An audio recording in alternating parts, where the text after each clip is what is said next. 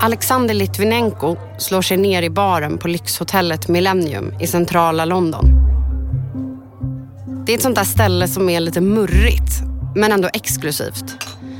Med stimmig miljö och en välfylld bar. På det runda bordet framför honom står några glas med gin, en cigarr, ett par koppar och en tekanna. Alexander har några dramatiska år bakom sig. Han jobbade tidigare som agent för Vladimir Putins säkerhetstjänst hemma i Ryssland. Men sedan några år tillbaka har han blivit en av presidentens största kritiker. Det är därför han lever i exil här i London. Runt bordet sitter också två andra män. De är också ryssar. Alexander antar att de är på hans sida och att de ska ha ett vanligt businessmöte ihop. Efter en stund ställer sig en av männen upp. Eh, han måste gå. Han ska på fotbollsmatch. Champions League på Emirates stadion. Men så innan han går vänder han sig mot Alexander. Det finns lite te kvar. Ta om du vill ha, säger han. Alexander tittar på kannan och lyfter på locket. Det finns en skvätt te på botten. Han häller upp en halv kopp grönt te. Det är inte särskilt gott, det är kallt, noterar han innan han tar en sista klunk. Och så ställer han sig upp. Han lämnar koppen, kannan, baren och hotellet. Men det han inte vet då är att männen han suttit med inte alls var där för ett vanligt businessmöte. De har kommit till London med ett enda uppdrag. Att lönnmörda Alexander Litvinenko.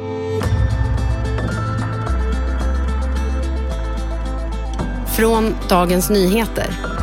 Det här är Spotlight.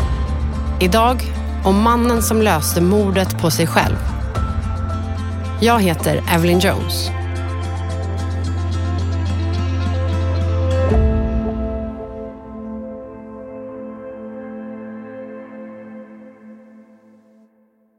Du kanske har hört nyheterna om alla förmögna ryssar som dött under mystiska omständigheter den senaste tiden. New today, another Russian oligarch has mysteriously died. There's now at least 10 prominent Russian businessmen who have died since the war in Ukraine started. They're the billionaires dropping dead in bizarre circumstances all around the world. And the big question why? De har fallit från trappor och balkonger, drunknat och skurit sig i handlederna. Protosenia hanging by a bathrobe in the garden. En har kraschat med helikopter. En annan hittades död i sin pool med ett skotthål i huvudet. Russian state-run press says that all three died from bullet wounds and that 13 guns were discovered at the scene. Många av dem som dött har en gemensam nämnare. De har kritiserat Vladimir Putins invasion av Ukraina. Och den ryske presidenten har anklagats för att vara inblandad i dödsfallen. Men för att förstå varför världens misstankar riktas mot Putin så behöver vi gå tillbaka i tiden. Till berättelsen om den före detta ryska KGB-agenten Alexander Litvinenko. Och den börjar i mitten av 90-talet på ett ökänt torg i Moskva.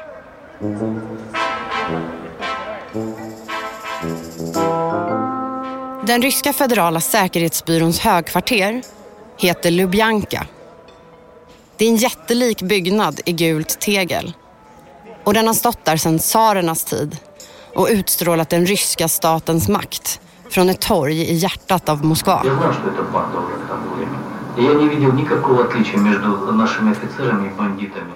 Där jobbar den här unga agenten, Alexander Litvinenko. Han vill göra skillnad för sitt land och därför har han tagit jobb här på FSB. Det som tidigare var KGB. Och Alexander, eller Sasha som han kallas av sina närmaste, har en särskild talang. Han får människor att öppna sig. Vare sig de han förhör är tjetjenska rebeller eller grovt kriminella lyckas Litvinenko få dem att berätta. Och han stiger fort i graderna. Ingmar Neveus, du har ju bevakat Ryssland i många år för DN. Vem var Alexander Litvinenko? Ja, han var fostrad inom det militära. Det var en väldigt ambitiös kille som verkligen ville göra ett bra jobb. Han hamnade sen på FSB, den ryska säkerhetstjänsten. Eh, han var nog lite speciell som många begåvade agenter kanske är. Men det gick väldigt bra för honom. Han gjorde en bra karriär. Han blev överstelöjtnant, fick medalj för sina tjänster åt staten och 1997 befordrades han till vicechef för sjunde avdelningen på FSB. Den som bekämpar korruption och organiserad brottslighet. Och det är inte bara Alexander Litvinenko som är ambitiös här. Även hans chef där på FSB är ju en person som snabbt vill uppåt i det ryska samhället. Масло животного 2,2 тысяч тонн, молока сухого 2 тысячи тонн. Значит, по, это фактически перекрывает все наши потребности. En ung Vladimir Putin. Но это впечатляет. Men så småningom börjar ju Litvinenko se nya sidor av den här organisationen som han har vigt sitt liv åt. Och de sidorna skrämmer honom.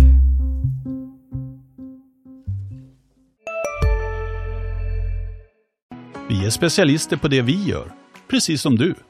Därför försäkrar vi på Swedea bara småföretag, som ditt. För oss är små företag alltid större än stora och vår företagsförsäkring anpassar sig helt efter firmans förutsättningar. Gå in på swedea.se företag och jämför själv. Alltså äter du i duschen? Nej, det gör jag verkligen inte. Men alla gör ju det nu. Duschsnacks, Frans. Vilka är alla? Ja, men alla på TikTok och bloggar och allt möjligt. Så det är, de har en tallrik i duschen och så är det lite så här oliver och ostbågar typ. Nej men gud, tapas. Där drar jag gränsen. Jag, jag kan sträcka mig till duschöl. Men annars så får man torka sig innan man hugger in på godsakerna. Ja, men lyssna på Nära vänner, en podd med mig Fanny och dig Frans med Expressen. Viktiga nyheter.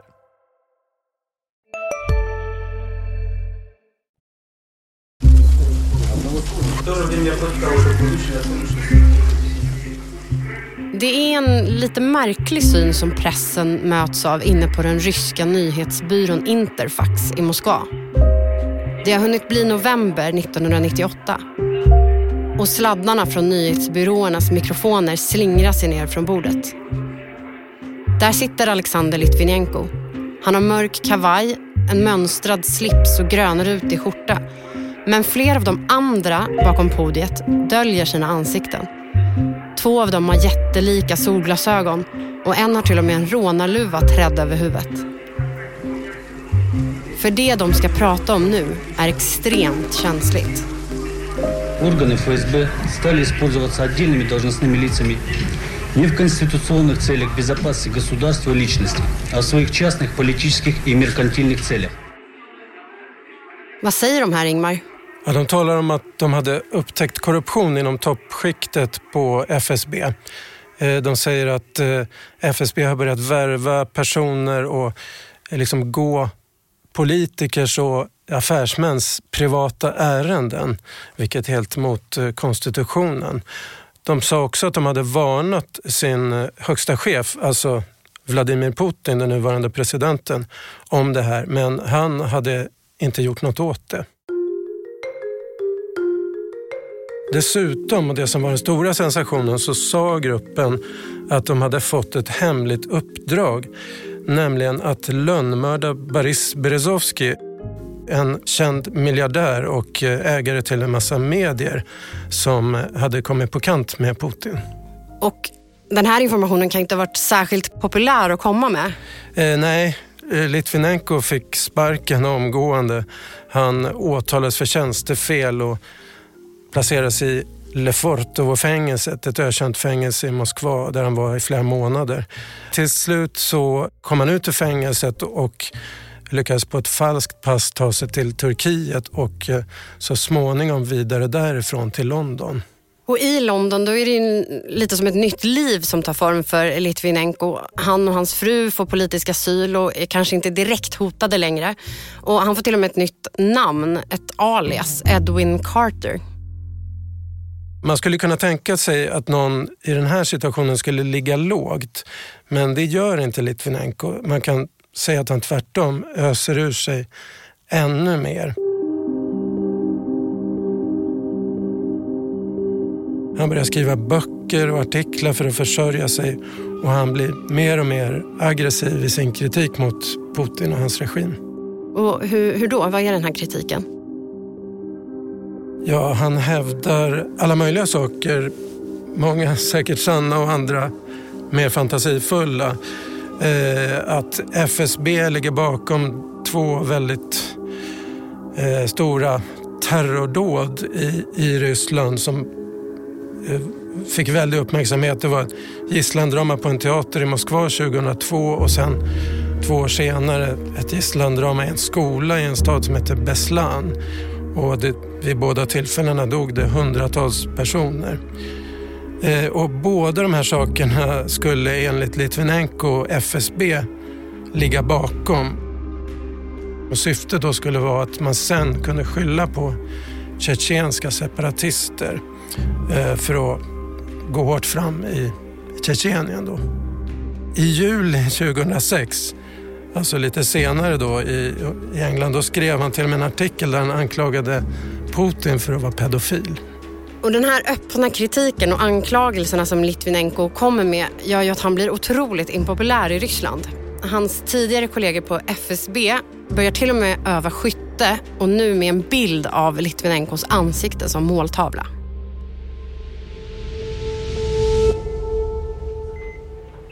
Och nu är vi i en sjuksal. På University College Hospital i London i november 2006. Salen är under sträng bevakning. Alexander Litvinenko halvsitter i sin sjuksäng och kudden syns en blodfläck. Han har tappat sitt hår, han är blek och utmärglad. Han är själv övertygad om vad som har hänt. Och till polisen har han sagt att han vill anmäla ett mord. Mordet på honom själv. Utredarna är skeptiska. Det låter för absurt. Skulle han verkligen ha blivit förgiftad för att ha gett ut ett par böcker? Speciellt här i London. Vem skulle ha gjort det? Läkarna tror snarare att han har ätit dålig sushi. För att övertyga dem berättar Litvinenko om och om igen om den där dagen när han blev sjuk. När han kom hem den kvällen började han hastigt må dåligt. Han försökte tvinga i sig vatten för att kunna spy. Och när han hostade kom det blod.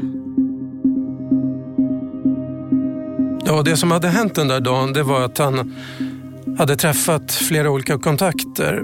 Eh, först en italienare som var expert på rysk säkerhetstjänst som han hade träffat på sushi-restaurangen Itsu. Och när italienaren hade varnat honom för att det fanns en plan på att döda honom. Han hade också varit på en bar på lyxhotellet Millennium och där hade han träffat två gamla bekanta. En av dem var också han en tidigare KGB och FSB-man som nu istället jobbade privat inom säkerhetsbranschen. Och när den här mannen gjorde affärer i London brukade han anlita Litvinenko som en sorts lokal fixare. Men och vad var Litvinenkos teori? Det var att någon hade förgiftat honom. Och polisen öppnade faktiskt en mordutredning trots att det faktiskt inte fanns någon som hade dött. Litvinenko var övertygad om att det var Putin som var ytterst ansvarig för förgiftningen. Och han insåg att han kunde göra en politisk poäng ännu en gång då, nu från sjuksängen. You may succeed in silencing one man, but the howl of protest from around the world will reverberate Mr Putin in your ears for the rest of your life. Alexander Litvinenko har en vän, en annan regimkritiker, som här möter pressen eh, på gatan utanför sjukhuset.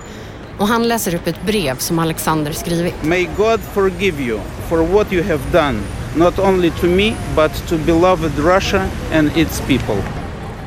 Och den här utredningen då som pågår medan Litvinenko ligger på sin dödsbädd, vad kommer den fram till? Först gör de olika tester och de fattar ingenting. Litvinenko säger att de ska titta efter ett särskilt ämne men de hittar inget.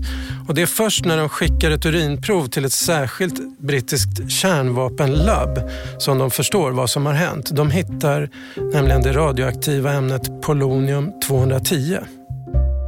Det här är en extremt sällsynt isotop, ett av de giftigaste ämnen som människan känner till och ett som bara produceras i ryska statskontrollerade laboratorium. Och nu finns det alltså i Litvinenkos urin. Ja, och det här gör att Scotland Yard, den brittiska polisen, kan börja följa spår. Med skyddsdräkter på söker polisen i spåren efter de som har träffat Litvinenko just den här dagen. För om någon har förgiftat honom, då skulle ju allt de har rört vid ha blivit radioaktivt. Och det finns spår. Det här ämnet är nämligen så oerhört potent att trots den lilla mängden så, så hittar man spår då på flygplan, på hotellrum, på ett fotbollsstadion och inte minst då på den här baren på hotellet Millennium. Litvinenko måste alltså ha fått i sig det här giftet när han träffade sina ryska kontakter på lyxhotellet. Där, där han drack en halv kopp grönt te.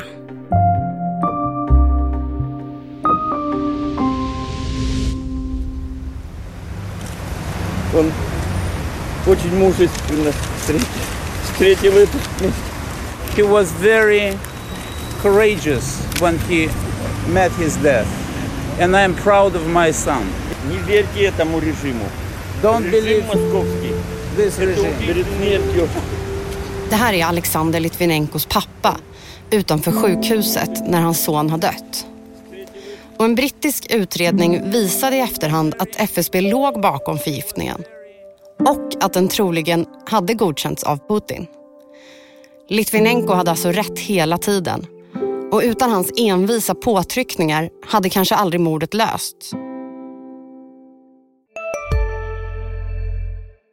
Hej, Synoptik här. Hos oss får du hjälp med att ta hand om din ögonhälsa. Vår synundersökning kan vi upptäcka både synförändringar och tecken på vanliga ögonsjukdomar. Boka tid på synoptik.se. Hej, Susanne Axel här. När du gör som jag och listar dig på en av Krys vårdcentraler får du en fast läkarkontakt som kan din sjukdomshistoria. Du får träffa erfarna specialister, tillgång till lättakuten och så kan du chatta med vårdpersonalen. Så gör ditt viktigaste val idag, lista dig hos Kry.